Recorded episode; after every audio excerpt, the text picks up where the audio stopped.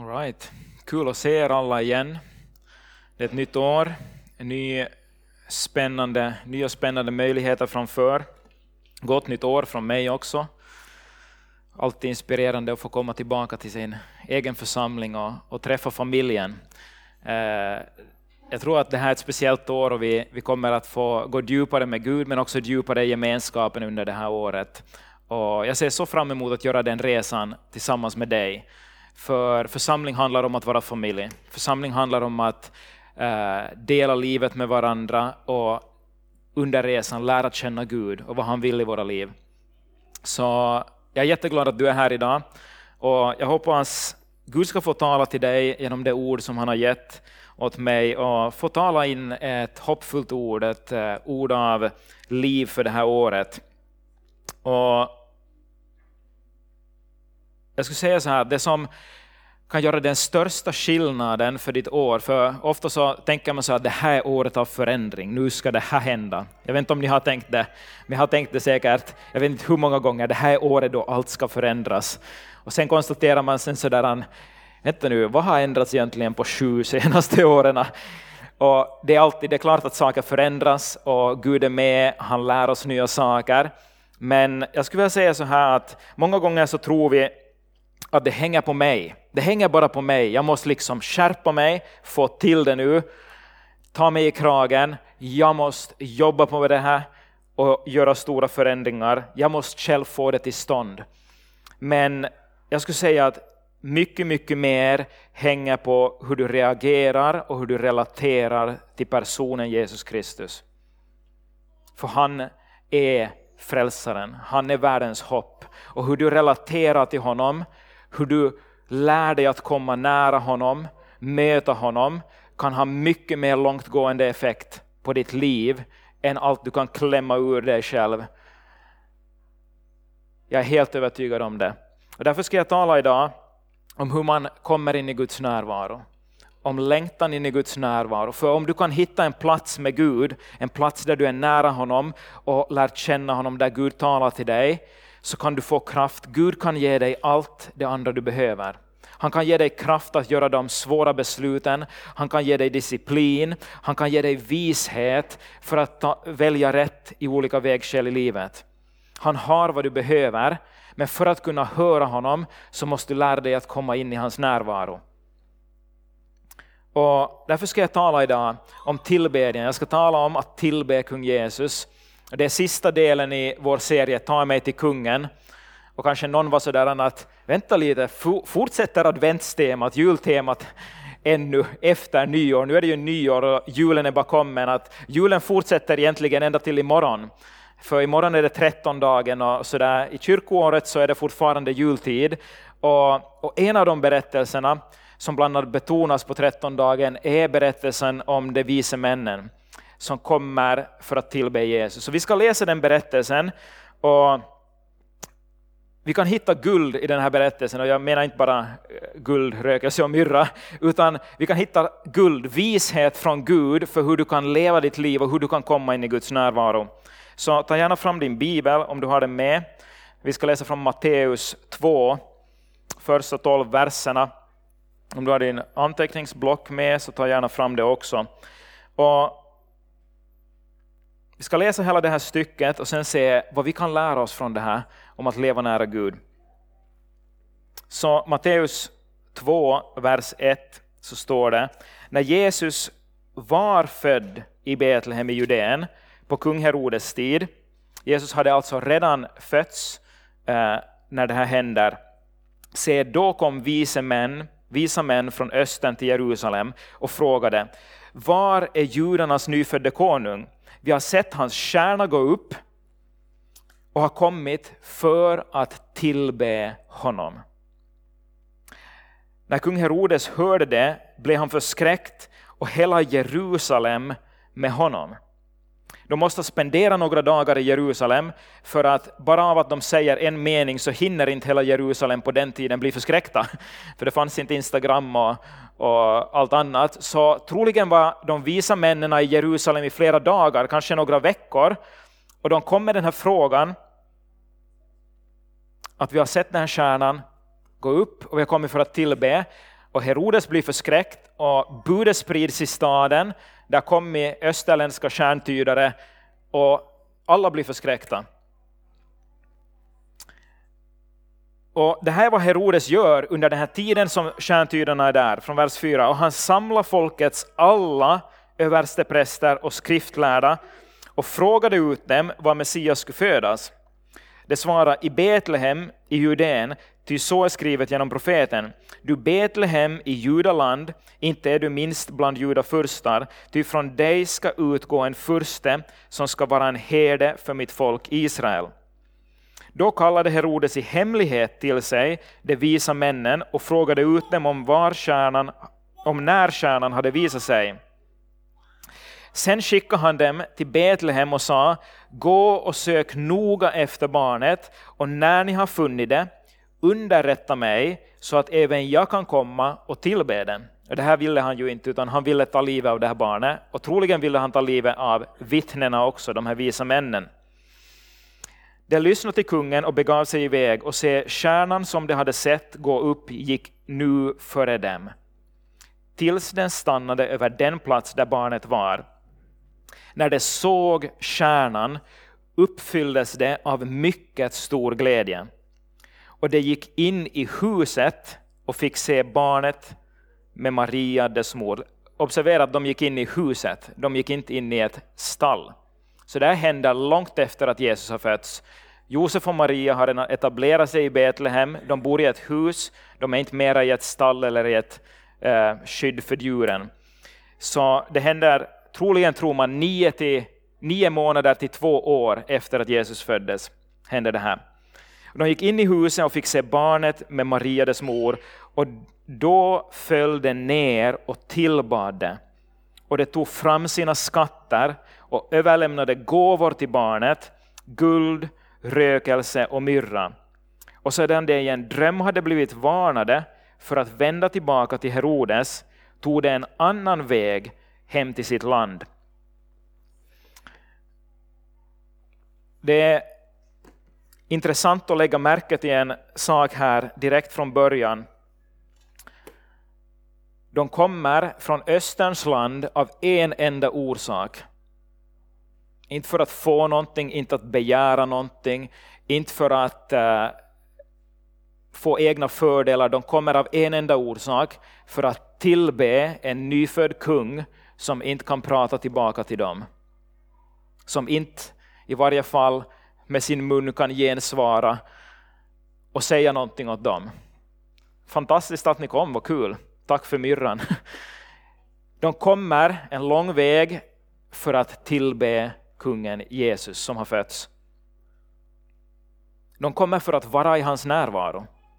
Har du tänkt på det? De kommer bara för att vara där en stund i den nyfödde kungens närvaro.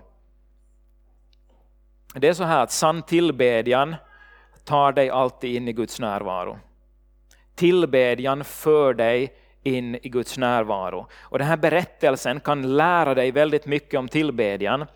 Och och det finns element här som kan hjälpa oss det här året att komma nära Jesus.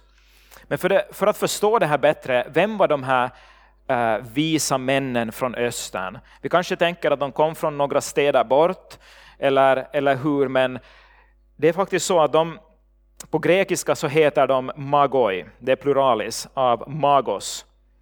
Och vi har ju ord som påminner om magoi, magiker, magi. De var österländska stjärntydare. Eh, ordet betyder helt enkelt att de var eh, den tidens spåmän.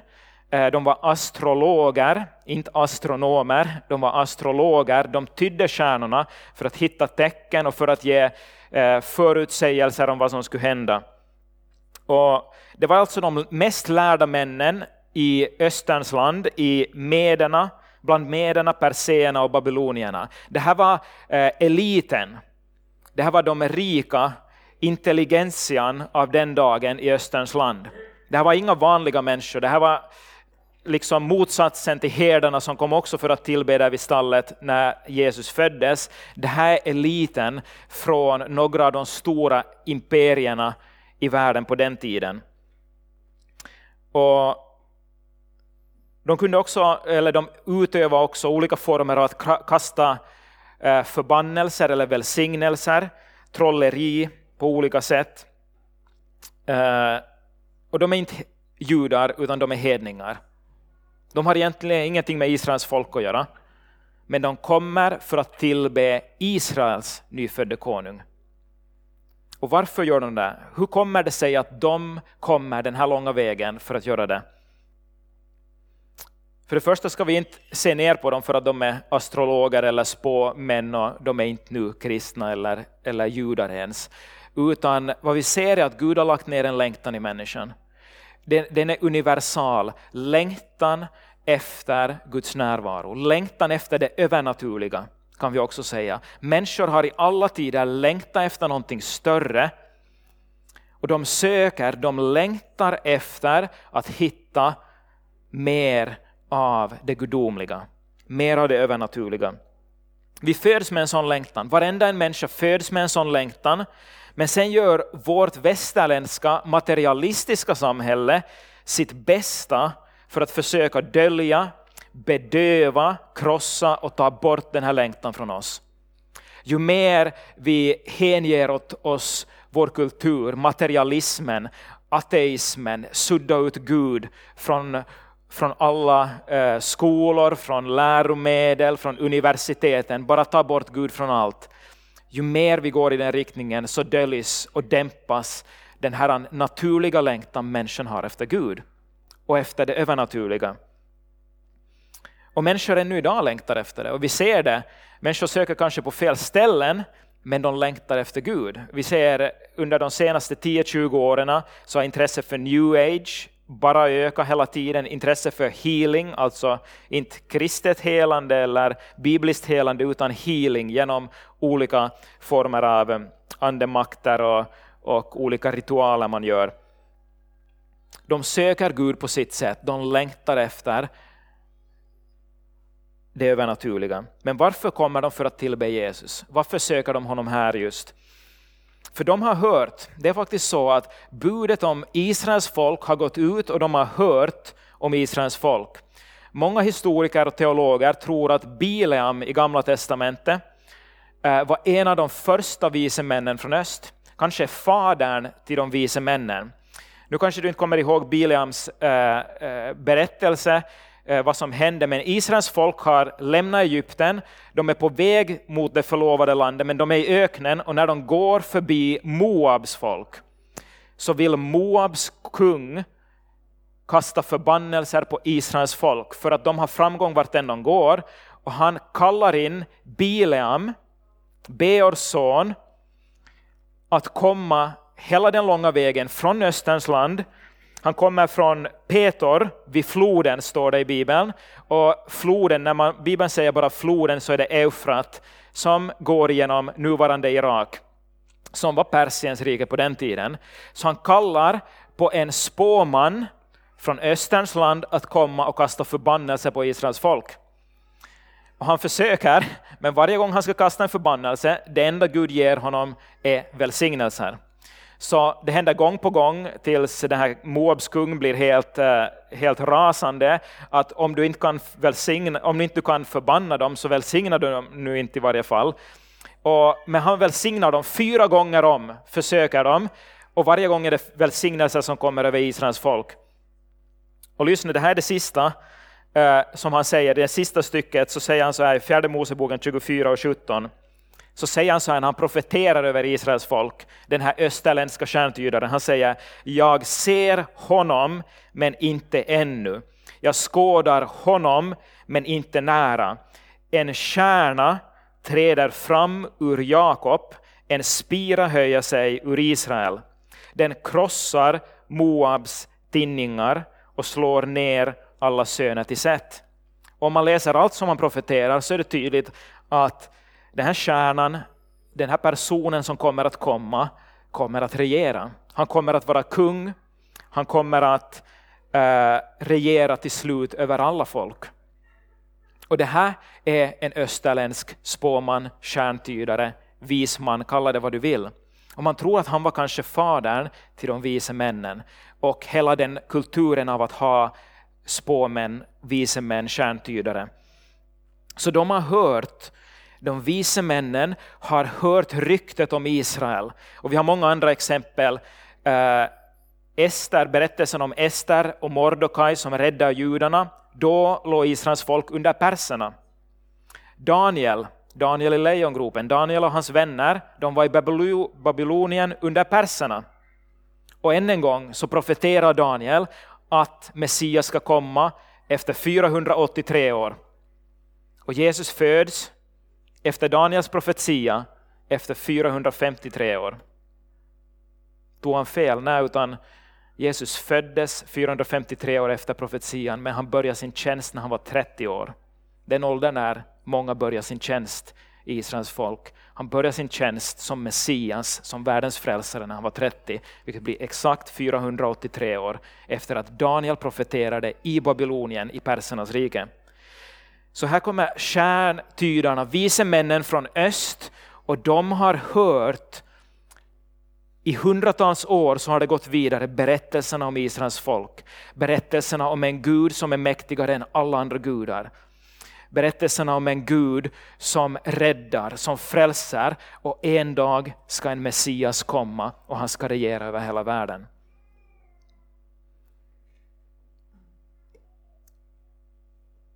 Och det är därför de kommer för att tillbe. De har hört några profetior och de kommer hela den långa vägen för att tillbe den nyfödde konungen. Lyssna, det här är skillnaden mellan sann tillbedjan och att bara vara med i ett religiöst sammanhang. Bara följa regler, bara uh, ha religiösa tankar. Det här är skillnaden. De satt tro till vad de hörde. De hade inte hört alls lika mycket som Israels folk och judarna, men de satt tro till det de hörde och de uppfylldes av förväntan. Den där guden. Vi har hört så mycket, den där guden, om vi bara tar oss till honom, han är den allsmäktige guden. Om vi bara får vara en stund i hans närvaro. Det här är skillnaden. Förväntan att Gud kommer att verka. Så stor förväntan att jag är beredd att gå en extra mil. Jag är beredd att engagera mig för att få komma in i hans närvaro. För att få tillbe honom och vara där. Det här är första punkten du kan lära dig om tillbedjan. Det, det är att ha förväntansfull tillbedjan. Inte bara följa reglerna, inte bara se vad jag borde göra för att vara kristen. Nej, ha en förväntan och komma till Gud med ett öppet hjärta och bara säga jag längtar efter att vara i din närvaro. Jag tror att bara jag kommer dit så kommer du att ta hand om resten. Då kommer din närvaro att kunna förvandla mitt liv. Förväntansfull tillbedjan. Förväntan är ju när man tror att någonting ska hända. Jag förväntar mig att det där ska hända. Jag förväntar mig att det kommer att gå bra. Jag tror. Jag har ett hopp om att det här kommer att hända. De kom och sökte Jesus och de förväntade sig, de här vise männen förväntade sig att när vi kommer in i kungens närvaro så kommer någonting att hända. Om du tänker efter så kom de en extremt lång väg. Man, man tänker att de kom ungefär 1600 till 2000 kilometers resa. Ja, sorry to say it, men de kom troligen inte på kameler utan på persiska hästar. För Persien var känt för sina adelshästar eh, där. Så de kom troligen på hästar och trots det så tror man att det tog upp till två, tre månader för dem att komma dit för att tillbe ett barn som inte ännu kan prata. Eller inte vet jag, Jesus i ett och ett halvt års ålder, två, det kan vara att han pratade och gav profetior och allt möjligt redan. Det vet vi inte, men de kommer den långa vägen. Och Det är det här jag vill fråga dig, om de är beredda att gå en så lång väg, de är beredda att ta sig genom faror, genom öknar, övernatta på alla möjliga olika ställen i öknar och, och på berg och så vidare och ta sig flera månader för att komma dit till Jesus Kristus. för att vara en stund i hans närvaro och tillbe honom? Vad är vi beredda att göra? Hur är vi beredda att engagera oss för tillbedjan? För att ge Gud vårt bästa, för att komma med förväntan till hans hus. Och Vi kan också jämföra det med de laglärda, skriftlärda och översteprästerna som vi läste om i, i den här berättelsen. Matteus 2 och vers 4 och 5 så står det så här om Herodes, och han samlade folkets alla överstepräster och skriftlärda och frågade dem var Messias skulle födas. De svarade i Betlehem i Judeen, ty så är skrivet genom profeten. Så här har du de laglärda och översteprästerna. Vem var de här då? Jo, de hade Toran, de hade eh, lagen, alltså de fem Moseböckerna. De kunde lagen utan till. De visste allting som stod i alla profeter. De kunde, alltså på den tiden så kunde inte alla ha sin egen bibel hemma, utan de hade skriftrullarna eh, i synagogorna, i templet. De kunde läsa dem ibland, men de memorerade. De kunde nästan hela den tidens bibel utan till. Allting. De visste allt om hur Messias skulle komma, vem han skulle vara, hur han skulle vara. Men lyssna, de lyfter inte ett finger för att ta sig till Jesus. Det här, det här är skrämmande egentligen. Det borde liksom få oss på helspänn att vänta lite. De hade all huvudkunskap. De visste allting som stod i lagen och profeterna. Och de kunde svara direkt. Messias ska födas i Betlehem. Jaha, ni är vise män och, och ni säger att han har fötts. Just det, men vad trevligt. Trevlig resa. Hoppas ni hittar honom. Men de far ingenstans. Kan du föreställa dig det? De vet allting, men de har ingen förväntan. De har ingen tro på att det gör någon skillnad. Skulle de verkligen tro i sitt hjärta att det gör en skillnad att tillbe Jesus, att hitta Messias, att komma in i hans närvaro, då skulle de ha sprungit iväg. Det här borde ha varit de andligt rika, för de visste så mycket. De som skulle ha kunnat känna igen Jesus när han kommer. Översteprästerna och de laglärda. Men de blev förstockade. För dem blev deras religionsutövning regler. Och vi ser när Jesus konfronterar just de laglärda och översteprästerna, de skriftlärda saduceerna, gång på gång så pekar han ut att de följer var, varje regel till punkt och pricka. De vet exakt allting, men de saknar kärleken. De saknar det här enkla hjärtats förtröstan och förhoppning att Gud är nära. De saknar brinnande hjärtan. De blev andligt förstockade. Deras öd, överlåtelse, deras ödmjukhet och kärleken till Gud hade slocknat för länge sedan. De kunde allting, men deras hjärtan var inte där. De fokuserade på gärningar, inte på hjärta i deras religionsutövning. Det här visar hur mycket huvudkunskap vi kan ha. Jag tror att fortfarande är vi ofta i den här fällan i kristenheten. Och jag, jag menar inte att kunskap är dåligt, kunskap är livsnödvändigt för vår kristna tro. Bibeln säger till och med, det finns i, i breven, kan du läsa hur Paulus Petrus uppmanar i breven att väx till i kunskap om Jesus Kristus. Så vi behöver kunskap. Kunskapen, sanningen, leder oss närmare Jesus. Men en sanning som inte föder tro, som vi handlar på, leder oss ingen vart. Om vi bara samlar på huvudkunskap, om vi bara går till kyrkan, hör en predikan, tycker det är fint och lägger det liksom bakom örat eller hur vi brukar säga, så men aldrig börja handla, aldrig börja låta det väcka passion i våra hjärtan. Börja väcka den där hängivenheten. Jesus, nu vill inte jag mera ha det så här. Att det är på den här nivån, nu längtar jag efter mera. Jag vill komma in i din närvaro och jag vill engagera mig. Jag vill tillbe dig. Tyvärr var det de här översteprästerna och laglärda som missade Jesus. De missade honom fullständigt. Sen kommer det några vise män från tusentals kilometer bort. De förstår inte alls allting om Messias. De har inte alls alla teologiska bitar på plats. Märker du det? De, de kommer till Jerusalem, till huvudstaden, för var föds kungar i huvudstaden? De söker honom i palatset, men de är på fel ställe. De har inte alls allting på koll. De vet inte var han ska födas, de vet inte hur han ska vara. Fel stad, fel, fel tidpunkt, fel ställe. De är ju försenade till och med. Hallå, men vet du vad de hade? De hade hjärta. De sökte, de förväntade sig, de längtade efter att komma in i Guds närvaro. Och de sökte efter Jesus. Och det var ingen fara fast de inte hade all teologi 100% på koll eller hade höll på varje detalj i lagen. För Gud såg deras hjärtan och han var engagerad i det. De hade hängivenhet och förväntansfull tro på kung Jesus.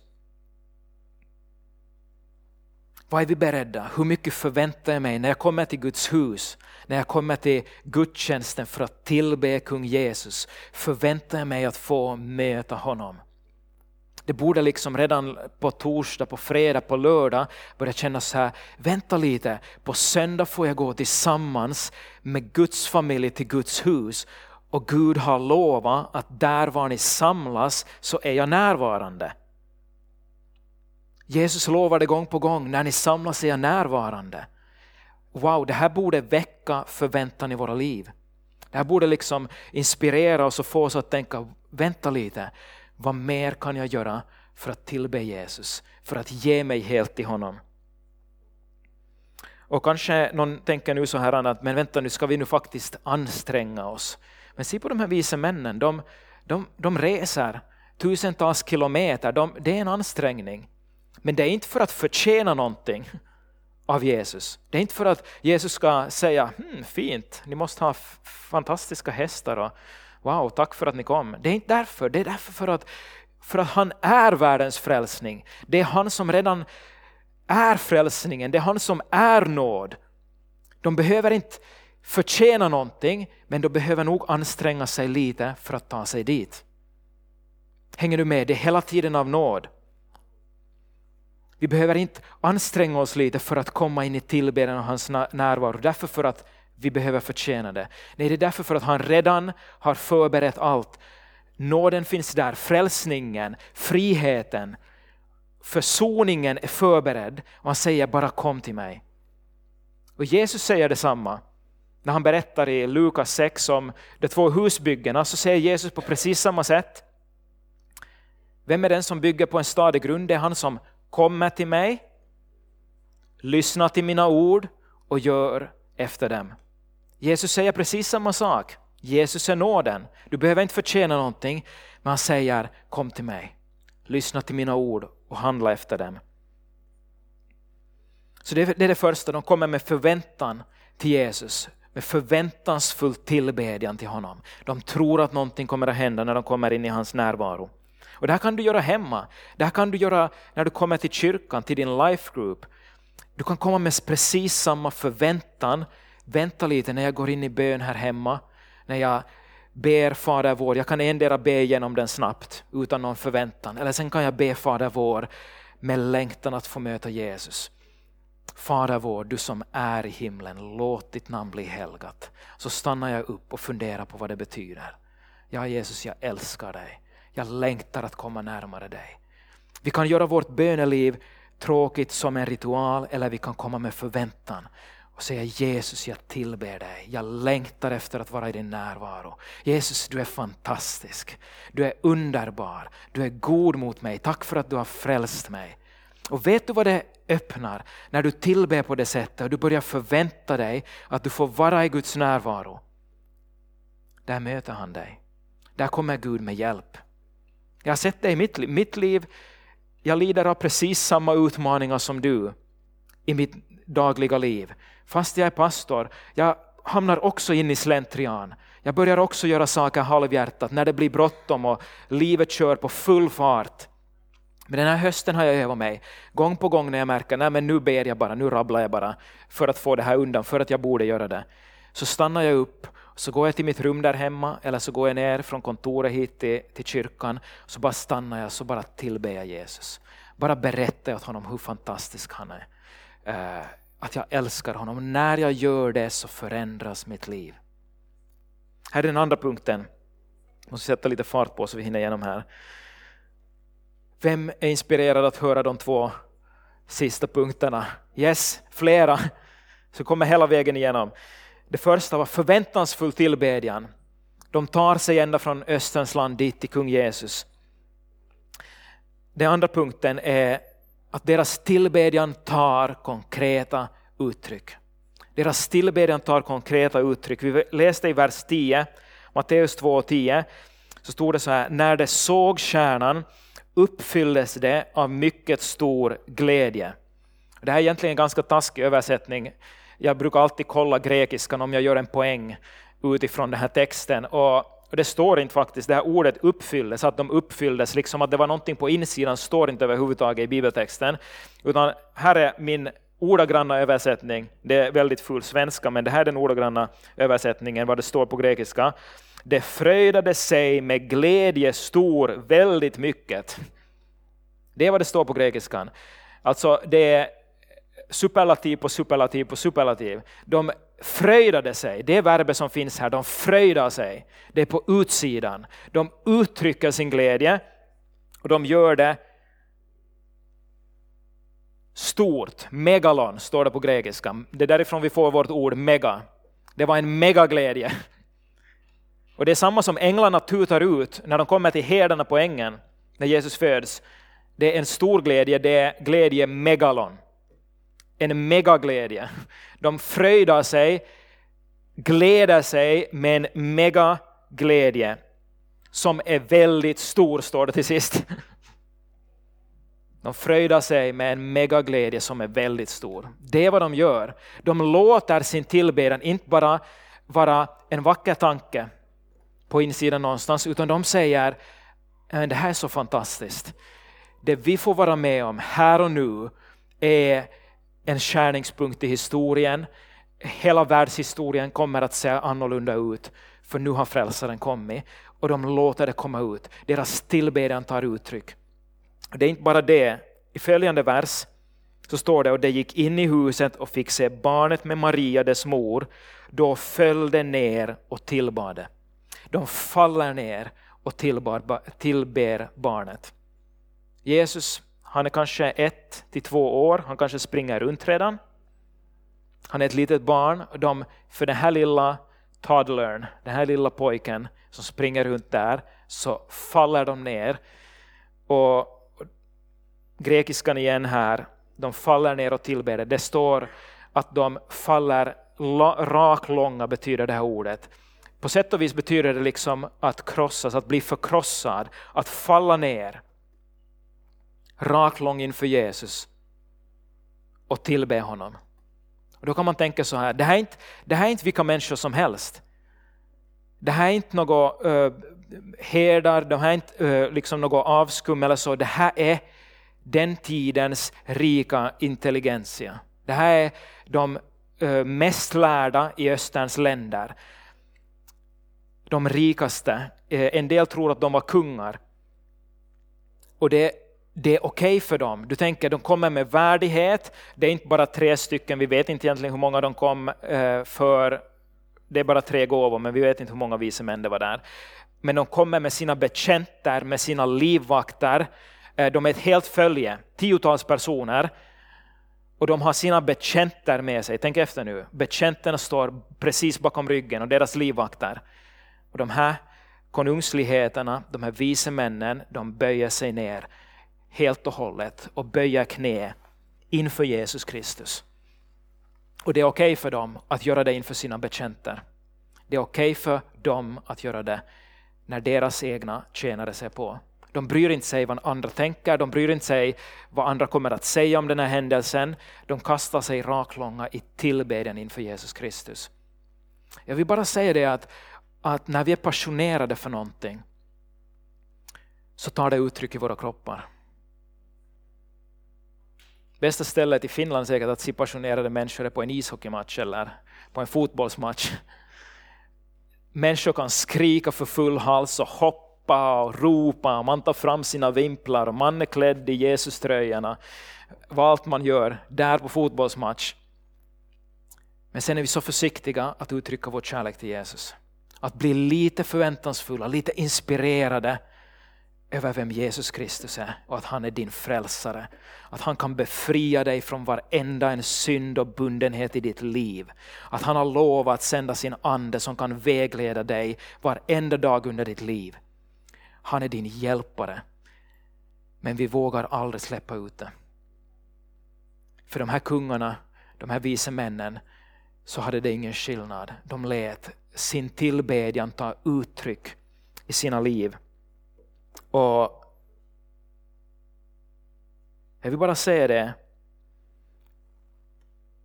oavsett vad människor gör idag, en dag så kommer varje miljardär i den här världen, varje ateist, varje universitetsprofessor, de rikaste presidenterna, kungarna, generalerna, alla kommer en dag att böja knä för kung Jesus Kristus. Det står i Bibeln. I Filipperbrevet 2, vers 9-11 så står det därför har Gud upphöjt honom över allting och gett honom namnet över alla namn. För att i Jesu namn alla knän ska böja sig i himlen och på jorden och under jorden och alla tungor bekänna Gud Fadern till ära att Jesus Kristus är Herren. Oavsett om du är troende eller ateist, eller vad du gjorde i ditt liv, eller var du hamnar i evigheten, varenda ett knä ska en dag böja sig för kung Jesus Kristus. Alla kommer att tillbe en dag och bekänna att han är Herre. Varför inte börja nu? Varför inte börja hänge oss i tillbedjan nu? För någonting händer, någonting bryts i våra liv när vi går över gränsen och vi vågar hänge oss helt i tillbedjan. Och det här är bibliskt. Det här upprepas gång på gång i Bibeln, att låta vår tillbedjan ta konkreta uttryck på olika sätt. Jag ska läsa några bibelverser. Det här är hör inte ihop med någon viss rörelse, någon viss religiös grupp eller någon bakgrund. Det är skriftenliga uttryck på tillbedjan som vi hittar i Bibeln. Det här är bara ett axplock, det är bara några stycken, det finns massor i Bibeln. Eh, från psalm 47, vers 2. Klappa i händerna, alla folk, höj jubel till Gud med fröjderop. Klappa i händerna, höj jubel, fröjderop är bibliska uttryck för tillbedjan. Psalm 95, vers 1-3. Kom, låt oss höja glädjerop till Herren, jubel till vår frälsningsklippa. Låt oss träda fram inför hans ansikte med tacksägelse, höja jubel till honom med lovsång. Ty Herren är en stor Gud, en stor konung över alla gudar. Och samma kapitel, vers 6. Kom, låt oss falla ner och tillbe, låt oss böja knä för Herren, vår skapare. Och ännu psalm 134, vers 2. Lyft era händer mot, eller i, helgedomen och lova Herren. Lyft era händer och lova Herren. Det här är bibliska uttryck. Det är inte eh, någonting som hör ihop med karismatiker eller pingstvänner. Det här är någonting de gjorde redan under Jesu tid. Och Paulus säger det nu, först av allt önskar jag att männen på alla orter ska be med heligt lyfta händer. Och efter en stund så säger han det här, det är i första Timoteusbrevet 3 tror jag. Efter en stund så säger han, och på samma sätt ska kvinnor be. med heligt lyfta händer. Det är bibliska uttryck för det. Och, jag vet att vi är från massor av olika bakgrunder i vår församling. Vi kommer från olika rörelser, men det borde inte hindra oss att känna oss fria att tillbe. Jag kommer ihåg hur det var för mig. Jag kommer från en metodistförsamling eh, i Ekenäs. Det var en väldigt traditionell metodistförsamling. Vi sjöng bara psalmer när jag var barn. Eh, det var väldigt likt som i lutherska kyrkan. Eh, eller i missionskyrkor på den tiden och så vidare. Vi, det var vad jag var van vid. Vi sjöng psalmer sittande. Det var, det var liksom det naturliga för mig. Sen började jag fara på ungdomskonferenser efter att jag kom till tro. Och mitt i allt så står människor och viftar med händerna. Det finns människor som böjer knä. Och jag var så här att vänta lite, vad är det som är på gång här riktigt? Att, att vad, vad, är det, vad är det de är så inspirerade över? Varför gör de på det här sättet? Att det här känns väldigt främmande för mig. Och så tänkte jag att, att det enda sättet är att, att prova. Och jag förstår att de här människorna är passionerade för Jesus. De tror verkligen på Jesus. De tror att Jesus och att tillbe Jesus gör en skillnad i deras liv. Och jag börjar försiktigt öva mig att vänta lite, kan jag lyfta händerna lite? Kan jag, kan jag göra någonting för att visa och uttrycka min kärlek till Jesus? Öppna, man visar att man öppnar sig. Eller som ett barn, jag kommer till dig pappa. Jag lyfter mina händer till dig. Och jag märkte att, vänta lite, jag är mer engagerad. Mitt hjärta, alltså för det första så handlar det om hjärta. Om hjärtat inte är med så är det ingen skillnad vad vi viftar. Det börjar med hjärtat. Men när hjärtat är med och jag har tro och jag börjar uttrycka det, det jag uttrycker med kroppen förstärker mitt hjärtas tro. Det förstärker min hängivenhet. Och därför kommer det alltid att vara okej. Okay. Det finns ingen press i vår församling, ingen behöver kopiera någon annan, ingen behöver göra så som andra gör. Men det kommer alltid att vara okej okay. och det kommer alltid att vara uppmuntrat att uttrycka tillbedjan. För någonting händer när vi låter tillbedjan uttryckas i våra liv och våra kroppar.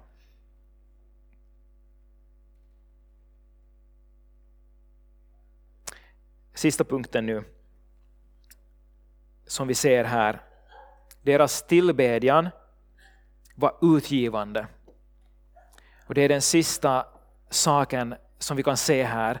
De, eh, det står i, eh, i vers 11, de tog fram sina skatter och överlämnade gåvor till barnet, guld, rökelse och myrra. Först tillber de, de faller ner inför Jesus och tillber honom. Och så står det, de tog fram sina skatter. Vi tänker kanske att de hade förberett gåvor och var beredda, så här, de hade tänkt ut att okej, okay, vi kommer dit, sen ska vi ge de här grejerna åt Jesus. Men det de egentligen gjorde, de hade alltid en resekassa med sig. De behövde så mycket pengar för att ta sig dit och så mycket för att ta sig hem. De hade sina skatter med sig för att klara av resorna. Vad som egentligen händer här är att de tillber Jesus och medan de tillber så står det de tog fram sina skatter. Det står inte, de tog fram gåvorna, de tog fram sina skatter och överlämnade gåvor till barnet.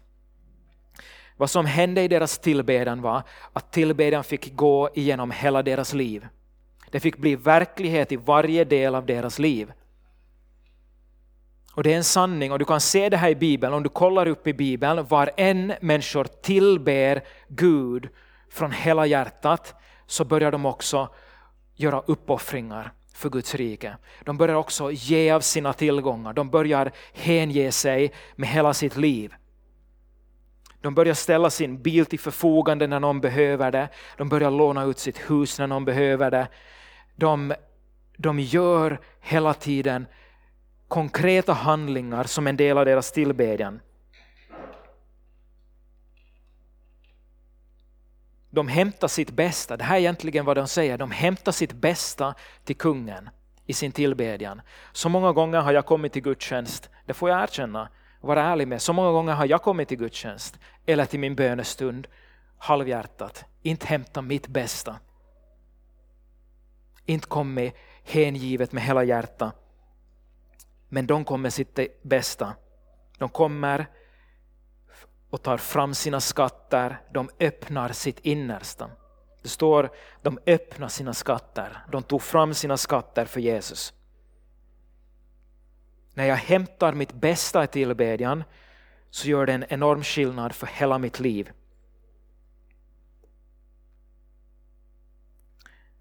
Tillbedjande och givande går hand i hand. Genom hela Bibeln ser vi det. Tillbedjan och givande går hand i hand. När människor tillber Jesus kommer de också och hämtar av sina gåvor till honom. Vi har kvinnorna i Bibeln. Det står kvinnorna som följde Jesus och betjänade honom med sina pengar och sina skatter. Och Du kan söka det genom hela Bibeln. Jesus säger, där ditt hjärta är, där kommer också din skatt att vara. Där ditt hjärta är, där kommer din skatt att vara.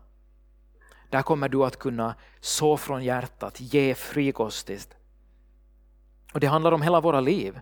Egentligen går tillbedjan genom hela livet. Att låta ditt liv bli en tillbedjan. Alla delar av ditt liv finns till förfogande för Jesus Kristus. Så givande och tillbedjan hör ihop. Det ser vi i deras liv. Och Det sista vi ser i de här gåvorna, tänk att det är just det, det är att de ger de här gåvorna som i det här stycket uppenbarar mest om vem Jesus Kristus kommer att vara. För jag tror inte att de var medvetna om det. De hämtade det som var Persiens största liksom handelsvaror, guld, rökelse och myrra. Det var Persiens specialitet. Det var det de bar med sig. Men de här gåvorna var samtidigt profetiska och symboliska för vem Jesus skulle vara. Det var när deras tillbedjan också blev givande som Jesus Kristus blev uppenbarad i deras utgivande. Guld, det är en gåva för konungar. Det står för konungslighet. Jesus skulle vara en kung. Rökelse, rökelse tände man i templet i tillbedjan. Rökelse står för att han är förmedlare mellan Gud och människor. Han kommer att vara en överstepräst, en förmedlare. Myrra, myrra är det som man smorde en död med. Han skulle dö och ge sitt liv för dina synder. Och genom de här gåvorna som de ger i sin tillbedjan så blir Jesus Kristus och hans uppdrag som Messias uppenbarad Och det här leder till någonting i deras liv. Och du kan fråga, hur ser vi någon skillnad i, i de här vise männens liv? När de kommer för att söka konungen så kommer de till fel ställe och de behöver hjälp för att förstå var Messias är. De kommer och söker honom i Jerusalem och de behöver hjälp för att hitta honom. De behöver hjälp för att höra från Guds ord. Han ska födas i Betlehem. Men Lägg märke till sista versen, när de har tillbett konungen, när de har varit i Guds närvaro. Vers 12. Så står det så här, och sedan det i en dröm hade blivit varnade för att vända tillbaka till Herodes tog de en annan väg hem till sitt land. Efter att de har varit i Guds närvaro. På grekiskan så står det egentligen att det är inte bara en dröm utan det är en, en uh, gudomlig dröm en uppenbarelsedröm. Efter att de har tillbett Jesus och varit i hans närvaro så talar Gud personligen till dem. Efter deras hängivenhet till tillbedjan så är Gud personlig med dem. Han talar direkt med dem. Och Det här är vad Gud önskar för varje människa. Att vi ska få vara i Guds närvaro, hängivna och att han där ska få möta oss. Han vill hjälpa dig, han vill frälsa dig, han vill möta dig. Han vill vara räddaren i ditt liv. Men vi behöver själv välja att vara tillbedjare. Vi behöver välja att komma och ge vårt bästa i hängivenhet till honom. Så om du vill växa i din personliga gudsrelation, gör det som jag har gjort många gånger. Äh, men jag, gör inte, jag ber inte bara på slentrian. När jag, när jag går in i min bönekammare. Om det sen bara är fem minuter, men då är jag hängiven. Då säger jag till Jesus hur mycket jag har väntat få komma till honom. Hur mycket jag älskar honom. Jag ber som om jag förväntar att han ska göra någonting. Jag skulle säga det är viktigare att du ber tre eller fem minuter med förväntan, med hängivenhet, utgivande, än att du har några långa böner i en halvtimme som du inte är engagerad i, som du bara gör för att du borde. Kom med tillbedjan till honom. Låt din tillbedjan ta konkreta uttryck i ditt liv och i din kropp. Låt din tillbedjan göra dig till en givare, till en som ger in i Guds rike, som, som ger kärlek, som ger tid åt de behövande. Låt din tillbedjan bli utgivande. Gud kan komma nära och börja tala till oss direkt. Ska vi tillsammans be och gå in i tillbedjan en stund här i slutet av gudstjänsten.